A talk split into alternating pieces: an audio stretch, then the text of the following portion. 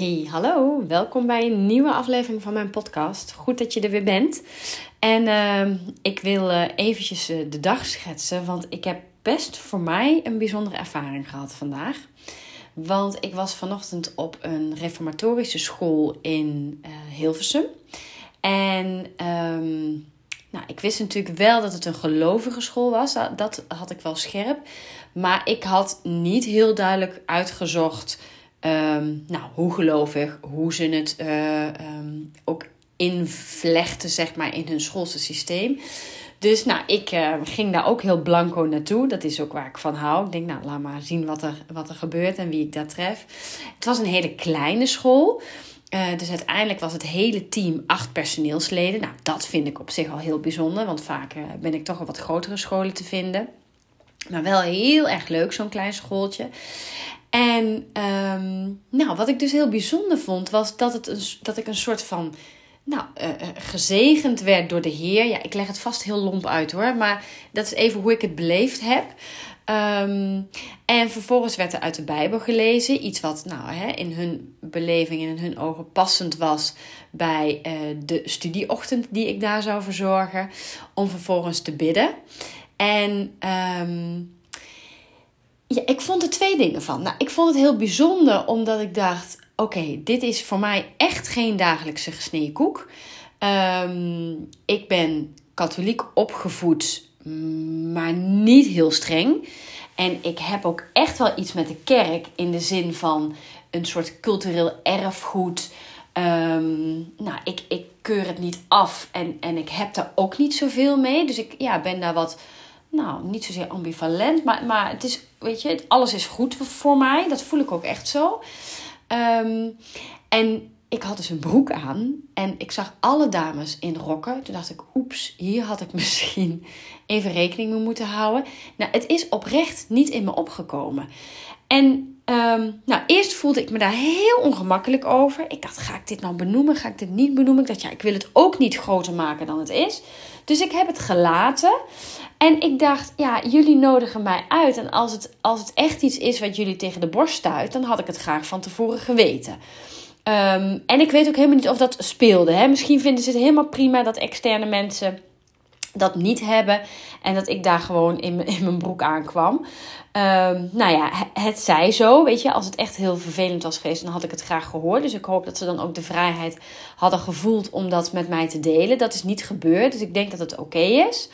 Um, en het andere wat ik dus er heel bijzonder aan vond, was dat ik merkte dat even los van de inhoud van wat er voorgelezen werd uit de Bijbel, of de inhoud van het gebed um, en de zegeningen van de Heer, um, vond ik het wel een moment van rust creëren in zo'n dag. En toen dacht ik, oh maar wauw, dat brengt het dus echt wel. En nou, hè, nogmaals, los van de inhoud, het even met elkaar in stil te zijn, zijn waarbij één iemand heel even stilstaat bij de dag, um, overdenkingen deelt, um, wensen voor de toekomst deelt. Um, dat vond ik dus heel mooi. En ik merkte ook echt, hè, los van het feit dat ik niet uh, actief meebidde, um, zag ik andere mensen dat natuurlijk wel doen. Maar er ontstond daardoor ook een soort rust in die groep. En nou, dat wilde ik je niet onthouden. Dat vond ik toch ook wel weer heel erg bijzonder. Nou, verder was het een superleuke uh, dag, ochtend en hebben we heel hard gewerkt met z'n allen. En nou is het ook een beetje een zoektocht naar um, wat speelt er aan ongewenst gedrag bij hun op school en hoe kijken zij daarna? Hoe kijk je naar kinderen? Hoe kijk je naar hiërarchie? Hoe kijk je naar um, um, het duiden van gedrag. Nou, daar zal ik nu allemaal niet zo heel ver op, uh, over uitweiden, hè, want dat doet er verder voor deze podcast eigenlijk helemaal niet toe. Maar um, ik wilde het toch delen, omdat ik het dus op twee manieren best heel bijzonder vond. En wat ik eruit geleerd heb, is dat het moment van rust en stilte. Um, dat dat heel prettig was. En dat ik dacht, ja, wat de inhoud daarvan dan ook verder is. Hè? Dit had natuurlijk een hele gelovige achtergrond. Maar het feit dat je gewoon eens even stilstaat bij de dag en even de rust neemt om überhaupt stil te zijn. Dat vond ik wel weer heel erg tof. Dus nou, zo hebben we weer iets moois beleefd, zou ik zo willen zeggen. Hey, en waar ik het vandaag met je wil, over wil hebben. En nou, ik roep heel vaak hè, van, nou, ik hou het kort, ik hou het kort. Nou, ik hou het nooit echt heel kort. Maar ehm, nou, ik ga toch echt een poging doen. Omdat uh, er ook een kind zometeen thuis komt. Dus als je zometeen een deur hoort en een hoop gegil. Mam, ik ben thuis. Dan uh, is dat mijn jongste zoon. Die komt terug van toneelles. De oudste is net vertrokken naar toneelles. Die, we, we, hoe zeg je dat? Die wisselen elkaar af. Manlief is uh, een paar dagen weg voor zijn werk. Die uh, is met alpaca's. Hoe heet die beesten nou? Alpaca's? Alpaca's toch? nu ik het zo zeg, klinkt het heel gek. Alpaca. Alpaca. Volgens mij heten ze zo. Misschien zeg ik iets heel geks. Maar die leuke beesten, laten we het daar even op houden. Die, uh, daar ging die vandaag mee wandelen. Nou, ik was vet jaloers. Dat noemen ze dan uh, teamuitjes of teambuilding of weet ik veel hoe ze het doen. Uh. Nou goed, prima. Dat soort hijsessies wil ik ook wel. Want het lijkt me dus hartstikke leuk om te doen. Dus ik heb vanavond lekker een avondje met mijn kinderen. En nou, ik hoop daar in alle rust van te kunnen genieten. hey, het onderwerp. Want ik was dus ook nog, zie ik heb veel te veel te vertellen. Ik was dus ook nog op werkweekend samen met een collega. En uh, toen hebben we, ik heb nou heel hard, nee, zij heeft ook hard gewerkt, maar op een ander gebied. Ik heb uh, heel erg uh, hard gewerkt op het gebied van vaardigheden en vaardigheden ontwikkelen bij kinderen. En toen dacht ik, oh ja, de, degene die, waar ik het meest vragen over krijg, is emotieregulatie. En toen dacht ik, laat ik daar eens even kort wat over zeggen. Want er zijn namelijk verschillende factoren die meespelen als het gaat over het leren reguleren van je emoties. Dat kun je niet vanaf je geboorte. Hè? Kinderen gaan huilen bij de geboorte, uh, huilen bij stress, huilen bij honger, huilen bij kou, huilen bij spanning.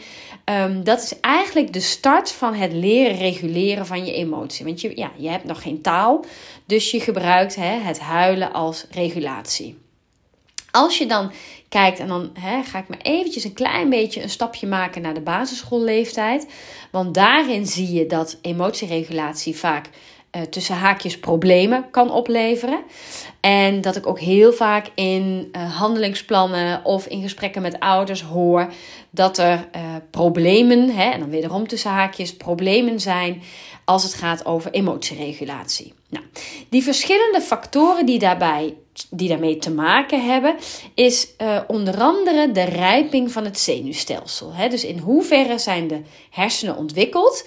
Super boeiend onderwerp. Ik heb een heel mooi boek besteld, dus daar ga ik me nog even wat verder in verdiepen, zodat ik daar nog meer informatie over met je kan delen. Um, maar de rijping van het zenuwstelsel, dus in hoeverre is je brein al in staat om die emoties goed te reguleren, dat speelt zeker een rol. Daarnaast spelen de cognitieve ontwikkeling van kinderen een rol. Hè? Dus wat kan je kind al begrijpen? Ook dat is natuurlijk weer breinontwikkeling. Taalontwikkeling heeft natuurlijk ook invloed. Want op het moment dat je kind al dan niet genoeg taal heeft om woorden te geven aan gevoelens, zegt dat iets over hoe goed je kind in staat is om zich daarover te uiten. En ja, wij leven toch in een wereld waarin taal heel cruciaal is. Hè? We communiceren veelvuldig middels taal. En als een kind dus de taal niet zo machtig is, en hoef ik niet meteen te denken aan een taalontwikkelingsstoornis, hè, maar ook aan leeftijd en de taalrijping, dan kan dat invloed hebben op dat stukje reguleren van emoties. Wat ook nog een rol speelt, um, is de sociale omgeving. Dus in hoeverre um, krijgt een kind het goede voorbeeld als het gaat over omgaan met emoties? Nou, om even een klein voorbeeld van mezelf te geven. Ik ben niet per se opgevoed in een systeem waarin bijvoorbeeld boosheid of verdriet heel erg een plek had. En hè, dat is niet goed en dat is niet slecht. Maar achteraf denk ik, oh ja, ik heb mijn ouders niet vaak echt heel boos gezien. Of ik kan me niet herinneren, en misschien hebben ze het wel gedaan, hè? En dan uh, bij deze, sorry papa, mam, als ik iets zeg wat niet klopt.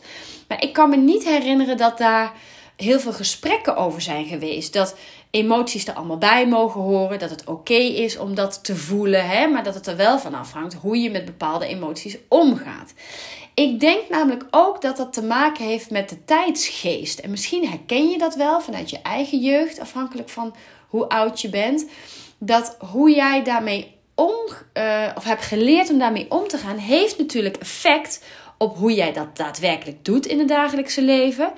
Maar ook ehm, hoe jij dat dus weer overbrengt aan je kinderen. En um, nou, ik ben überhaupt niet zo heel snel heel boos. Uh, ik ken echt wel gevoelens van irritatie en frustratie. En uh, nou, niets is mij vreemd. Maar echt heel boos, ja, dat heb ik niet zo heel snel. Um, en dat is denk ik wat me wel weer gebracht heeft in de opvoeding. Ik heb mijn ouders ook niet heel vaak met een heel kort lontje gezien. Die waren ook geduldig, die hadden namen de tijd voor ons. Dus nou, alles heeft daarin natuurlijk voor's en tegens. Maar je sociale omgeving, hè, dus welk voorbeeld krijgt een kind in het omgaan met emoties, is een belangrijke factor in het al dan niet leren reguleren. Wat ook meespeelt, is dat uh, ervaringen um, die een kind opdoet rondom emoties, natuurlijk al uh, effect gaan hebben op hoe je dat in de toekomst doet. Dus als jij vanaf jongs af aan heel erg te horen krijgt, nou daar hoef je niet zo boos om te doen, of is toch nergens voor nodig, uh, hou nou maar eens op met dat boze gedoe. Dan leer je een kind dus niet dat boosheid een hele normale emotie is, die er eigenlijk mag zijn, maar dat het er wel van afhangt hoe je vervolgens die emotie uit. Dus um, nou, welke ervaringen heeft je kind daarin? Hè? Dus als jij al heel erg gewend bent om tegen kinderen te zeggen: stop maar met huilen, je hoeft niet te huilen, dan leer je een kind vaak onbedoeld dat eh, de emotie verdriet of frustratie of huilen, dat dat er eigenlijk niet bij hoort. Terwijl ik denk, hoe waardevol is het als je kinderen leert dat huilen ontzettend veel stress kan reduceren en dat het heel erg kan opluchten. En dat dat dus helemaal prima is om met elkaar te delen, om te laten zien. Dus ervaringen spelen ook een rol. Dan, en dat is misschien voor nu wel even de laatste, want ik heb een waslijst anders. En ik zou het kort houden, had ik beloofd. Is het temperament van je kind. En dat heeft er echt mee te maken dat het ene kind van nature gewoon iets meer moeite heeft om emoties te beheersen dan het andere kind. En dan speelt bijvoorbeeld hè, gevoeligheid, uh, hoe introvert is je kind, hoe uh, extravert is je kind. Um, dus daar speelt aanleg ook wel een rol in. Als we dan kijken naar de ontwikkeling, dan zien we eigenlijk dat tot een jaar of vier um, kinderen best veel moeite hebben met het onder woorden brengen van hun gevoelens. En vanaf een jaar of vier, en let op, hè, dit is een gemiddelde. Geen één kind ontwikkelt zich perfect volgens het gemiddelde. Maar je kunt een beetje als stelregel nemen dat vanaf een jaar of vier kinderen iets beter in staat zouden moeten zijn om hun gevoelens onder woorden te brengen. He, dan kunnen ze echt wel zeggen of ze zich bang voelen, of dat ze blij zijn, of dat ze boos zijn. Um, en meestal lukt dat alleen nog maar als, het, als ze op een rustig moment daarover met jou in contact uh, zijn. Als je namelijk ziet dat jonge kinderen overmand raken door emoties. Hier komt al een kind binnen. Ik ben even een podcast op het nemen. Hé hey, jongen. um, als je merkt dat een kind namelijk overmand wordt door emoties. Dan is het veel moeilijker om daar vervolgens weer taal aan te geven. Nou, als je dat nou eens even legt hè, langs jouw eigen lat. Um, hoe goed ben jij in staat om, om in het heetst van de strijd, hè, in de heat of the moment, uh, te vertellen en goed woorden te geven en hoe je je voelt? Dan verwacht ik, heel eerlijk gezegd, dat dat jou ook niet altijd even makkelijk afgaat. Dus bij kinderen is dat nog een stapje moeilijker. Dus nou ja, het overmand worden door emoties, overspoeld raken, dan is beheersen echt nog een enorme klus. Dus daar goed woorden aan geven is heel erg moeilijk. En dat heeft ook echt te maken met dat de hersenen dus nog onvoldoende gerijpt zijn. En um, ook kinderen die wat ouder zijn, kunnen nog dat gevoel hebben dat ze echt overspoeld raken door hun eigen emoties. En dan kunnen ze eigenlijk enerzijds nog niet nadenken over wat er gebeurt, maar al helemaal niet reflecteren op wat er gebeurt. Hè. Wij kunnen uiteindelijk vaak met een beetje afstand weer denken: oh ja, ik was zo boos omdat. Of hè, in het moment dat je nog wel die boosheid ook voelt, dat je denkt: als ik nou eens met een beetje afstand ga kijken, is het dan, klopt het dan wel wat ik denk? Of is dit nou wat terecht dat ik hier um, zo erg vanuit mijn panty schiet? Dus um, het is goed om je te realiseren dat dit echt een vaardigheid is. die kinderen moeten ontwikkelen en dat ze dat niet van nature kunnen. Nou, als je dan uh, even een sprongetje in de tijd maakt, dan kun je eigenlijk zeggen dat, nou, gemiddeld genomen wederom, vanaf een jaar of negen uh, kinderen wat beter gaan nadenken over hun eigen gevoelens. Hè? En dan leert een kind ook heel klein beetje, stapje voor stapje, wat meer relativeren. Hè? Als we bijvoorbeeld denken aan dat meidenvenijn, hè, wat echt op die leeftijd kan spelen, dan kunnen meiden heel lelijk en, en gemeen en rottig doen tegen elkaar. Maar op het moment dat je dan als volwassene, hè, als ouder of als professional met ze in gesprek gaat, dan kunnen ze best wel reflecteren dat het niet handig is om zo over elkaar te praten dat het niet fijn is om anderen buiten te sluiten, omdat dat toch gevoelens van afwijzing kan oproepen.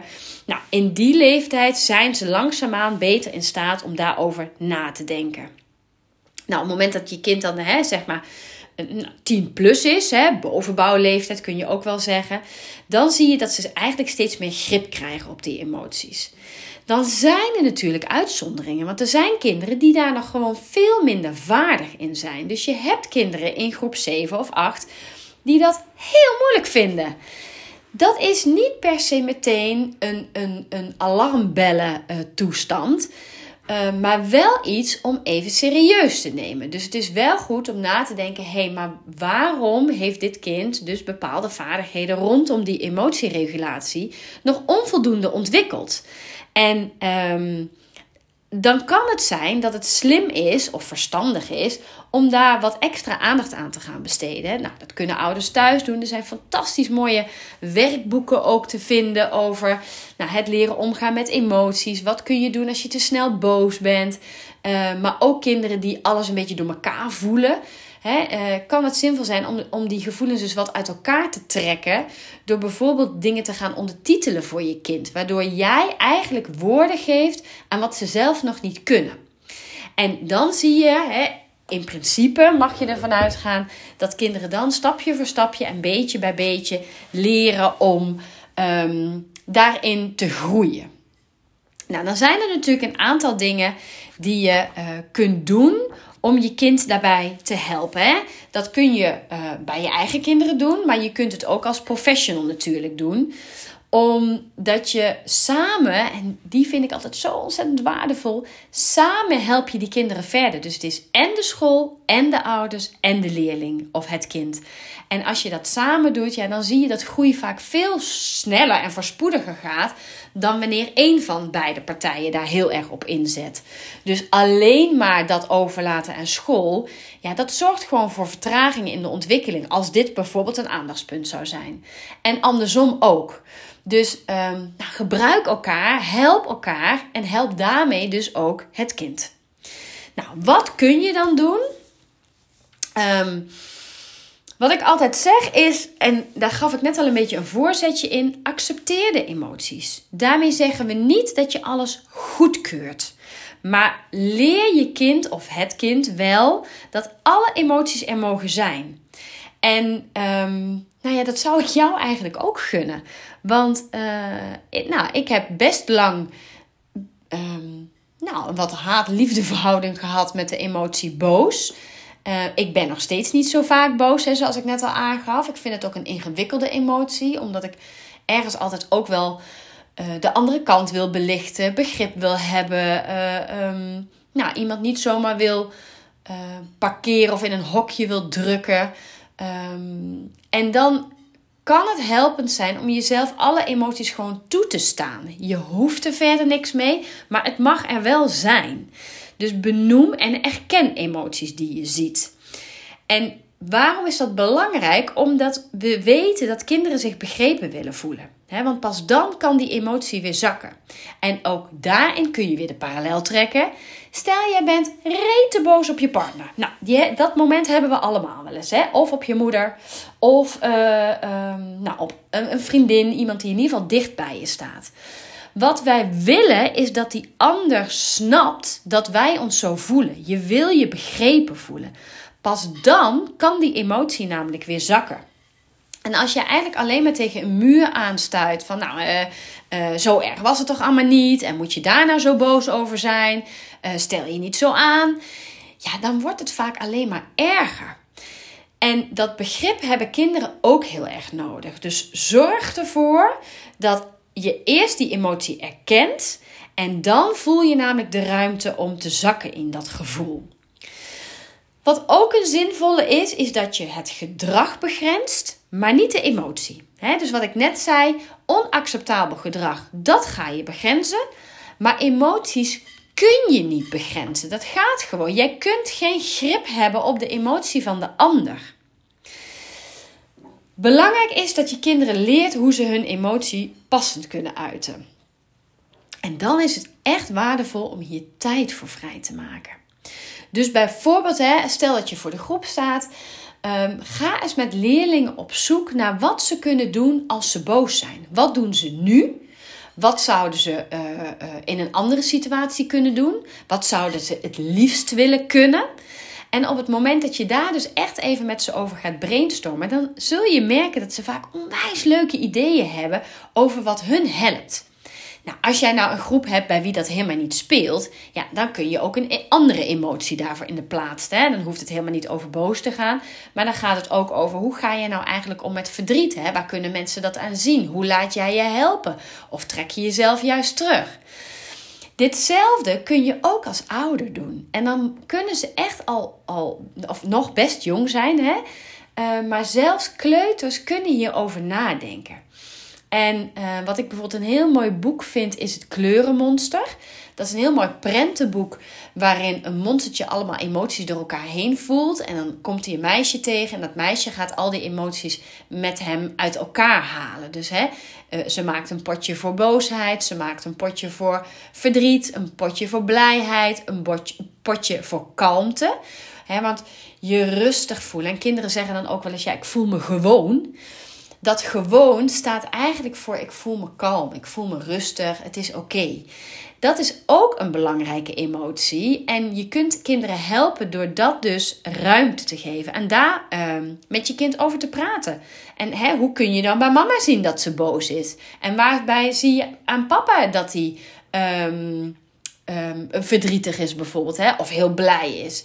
Waardoor het veel gewoner wordt om dat te benoemen en ook veel gewoner wordt om het daarover te hebben. Nou, soms kan het ook helpen om dan kinderen een optie te geven waar ze naartoe kunnen als ze voelen dat ze grip verliezen. Hè? Dat ze geen controle meer hebben over de emotie die ze op dat moment voelen. Dat betekent ook, er zijn gewoon kinderen die heel erg druk en heel erg hyper de piep worden als ze blij zijn. En als jij dan denkt, ik word hier helemaal gestoord van, zorg dat je op een heel ander moment met een kind een alternatief bedenkt. Hè? Dat je dus benoemt van, god, als jij blij wordt, dan zie ik dit en dit en dit gebeuren. Maar ik merk ook dat ik daar wat druk of onrustig van word. Wat kunnen we nou doen als jij zo super blij bent dat je dat eventjes in alles moet laten merken? Nou, hè, dan kan het naar buiten gaan helpen. Dan kan het um, even samen hard een liedje zingen helpen. Maar daarna is het dan ook weer klaar. Dus geef opties in gedrag. Um, wat we ook zien is op het moment dat je kinderen bijvoorbeeld met de emotie uh, boos heel erg dichtbij wil houden, terwijl zij zelf aangeven dat ze weg willen, dat het averechts werkt om dat kost wat kost te willen laten lukken. Dus een kind die heel boos is uh, binnen een groep, um, kun je beter even de ruimte geven door eruit te gaan. Dan kost wat kost in die groep houden. Want A, ze lijden vaak in hun beleving gezichtsverlies. Ze voelen zich um, nou, toch ook wel vaak weer een beetje mislukt, omdat het weer niet gelukt is om kalm te blijven. Dus zorg dat je ruimte biedt en dat een kind ook letterlijk even weg kan. Hè. Soms is het zinvol om erbij te blijven. Dat hangt een beetje van het kind en de leeftijd af. Maar soms kunnen ze het prima aan om eventjes alleen te zijn. Nou, wat is ook fijn, um, is dat je het um, zo positief mogelijk houdt. Nou, daar hoor je mij natuurlijk heel vaak over, zo positief mogelijk houden. Maar ook bij grote emoties uh, is het van belang dat je niet gaat straffen. Want door straffen leren kinderen namelijk niet om de emotie te beheersen. Eigenlijk zorgt straffen er als het ware voor dat uh, het uiten van een emotie een consequentie heeft. Namelijk, ik uit mijn boosheid en dat betekent dat ik gestraft word. Dus Koppel dat niet aan elkaar. Je begrenst het gedrag. Ik zie dat jij super boos bent. Ik wil niet dat je me pijn doet. Dat begrens je. Maar je begrenst niet het boze gevoel. Daar moet je dus onderscheid in maken. Een ander nadeel van bijvoorbeeld hè, straffen op gevoelens uiten, um, ook als kinderen dat dus nog niet zo goed kunnen reguleren, is dat kinderen emoties gaan opkroppen omdat ze denken, omdat ze eigenlijk de straf willen ontlopen. Zo moet ik hem eigenlijk uitleggen. En ehm, dan zie je vaak dat op andere momenten het er alsnog uitknalt. Want zij kunnen dat niet in volledigheid beheersen. Dus daar moet je wel even voor waken. Um, als een kind dus um, het gevoel heeft dat je hem niet erkent, um, dan zul je zien dat ze soms nog harder gaan schreeuwen, nog harder gaan huilen, om jou maar te overtuigen van het feit dat ze zich echt heel boos voelen of echt heel verdrietig zijn. Dus dat erkennen en daar dus niet op bestraffen, maar wel begrenzen, dat is een hele belangrijke. Nou, misschien wel de allerbelangrijkste. En daar gaf ik al een tipje van de sluier. Het is voor kinderen echt een graadmeter hoe jij met emoties omgaat. Dus als jij snel een kort lontje hebt, als jij snel uit je slof schiet, als jij snel je stem verheft, dan zul je daarmee de kinderen in je omgeving, en of dat dan de leerlingen in je groep zijn of je eigen kinderen zijn, uh, die leer je daar dus als het ware mee dat dat een adequate manier is van uiten. Terwijl bij onze kinderen, die bij, hè, in onze omgeving zijn, willen we dat helemaal niet. Hè, dan vinden we het irritant als ze een kort lontje hebben. Dus zorg ervoor dat jij zelf het goede voorbeeld geeft. En ja, ik realiseer me heel goed dat dat niet vanzelf gaat. Ik realiseer me ook heel goed dat dat niet altijd lukt. Maar wees je er pot voor drie dubbeltjes wel heel bewust van. Want op het moment dat jij staat te tieren en te vloeken en weet ik wat allemaal, dan is het belangrijk dat je de reflectie hebt op jezelf. Dat je denkt: wat sta ik hier nou toch eigenlijk te doen? Dit is toch helemaal niet het voorbeeld wat ik wil geven. Uh, want het is nog steeds, en ja, dat kan ik niet vaak genoeg benadrukken, wat je doet is belangrijker dan wat je zegt. Dus als jij laat zien dat je als jij boos bent even wegloopt, ook benoemt. Hè? Ik merk dat ik even boos ben, ik loop even weg, dat ik even kan kalmeren, is veel waardevoller dan, nou in mijn geval, als een viswijf staan te schreeuwen. Dus nou, wat je doet is belangrijker dan wat je zegt. Dus probeer echt na te leven hoe jij het graag bij je kinderen wil zien. Nou, een heel relaas. Ik hoop dat het uh, waardevol voor je was. Dat je de punten uit kunt pikken waarvan jij denkt: oh ja, daar moet ik eens even wat meer aandacht aan besteden. Of dit is goed om weer eens even te horen. En uh, nou, ik zeg het uh, ook regelmatig. Hè, als ik dan maar één of twee mensen weer even op scherp heb kunnen zetten, dan is mijn missie wederom geslaagd. Dus emotieregulatie is gewoon een ingewikkelde vaardigheid. En nou, ik heb in dit half uurtje geprobeerd om jou een klein beetje op weg te helpen hoe je ermee om kunt gaan, wat belangrijke aandachtspunten zijn en hoe je ervoor kunt zorgen dat kinderen daarin gaan groeien. Nou, er is natuurlijk nog veel en veel en veel meer over te vertellen. Nou, hè, in de toekomst gaan er ook echt nog wel trainingen komen op dit gebied. Maar um, nou ja, dit is even voor nu. En ik ben uh, zo ongelooflijk druk en daarmee dus ook heel dankbaar dat ik uh, al, al deze opdrachten mag en kan doen. Dat dingen die ook nog in mijn hoofd zitten en die ik ook nog heel graag wil doen, dat die soms even wat geduld vragen van mij. Maar misschien ook wel van jou als je zin hebt om iets te volgen bij mij. Um, omdat het gewoon uh, tijd kost om het zorgvuldig voor te bereiden en uit te werken. Dus nou, ik hoop dat je daar uh, begrip voor hebt. Je weet hè, als je ergens mee zit of, of je wil eens een keer sparren. Je mag altijd even via de website het contactformulier invullen. Dan denk ik even met je mee. Stuur me even een DM op Instagram. Dan kunnen we snel en kort schakelen. En wie weet kan ik je al een beetje op weg helpen. Ik wens jou ontzettend veel plezier met dat wat je gaat doen na deze podcast. En uh, we spreken elkaar heel snel weer. Doei doei!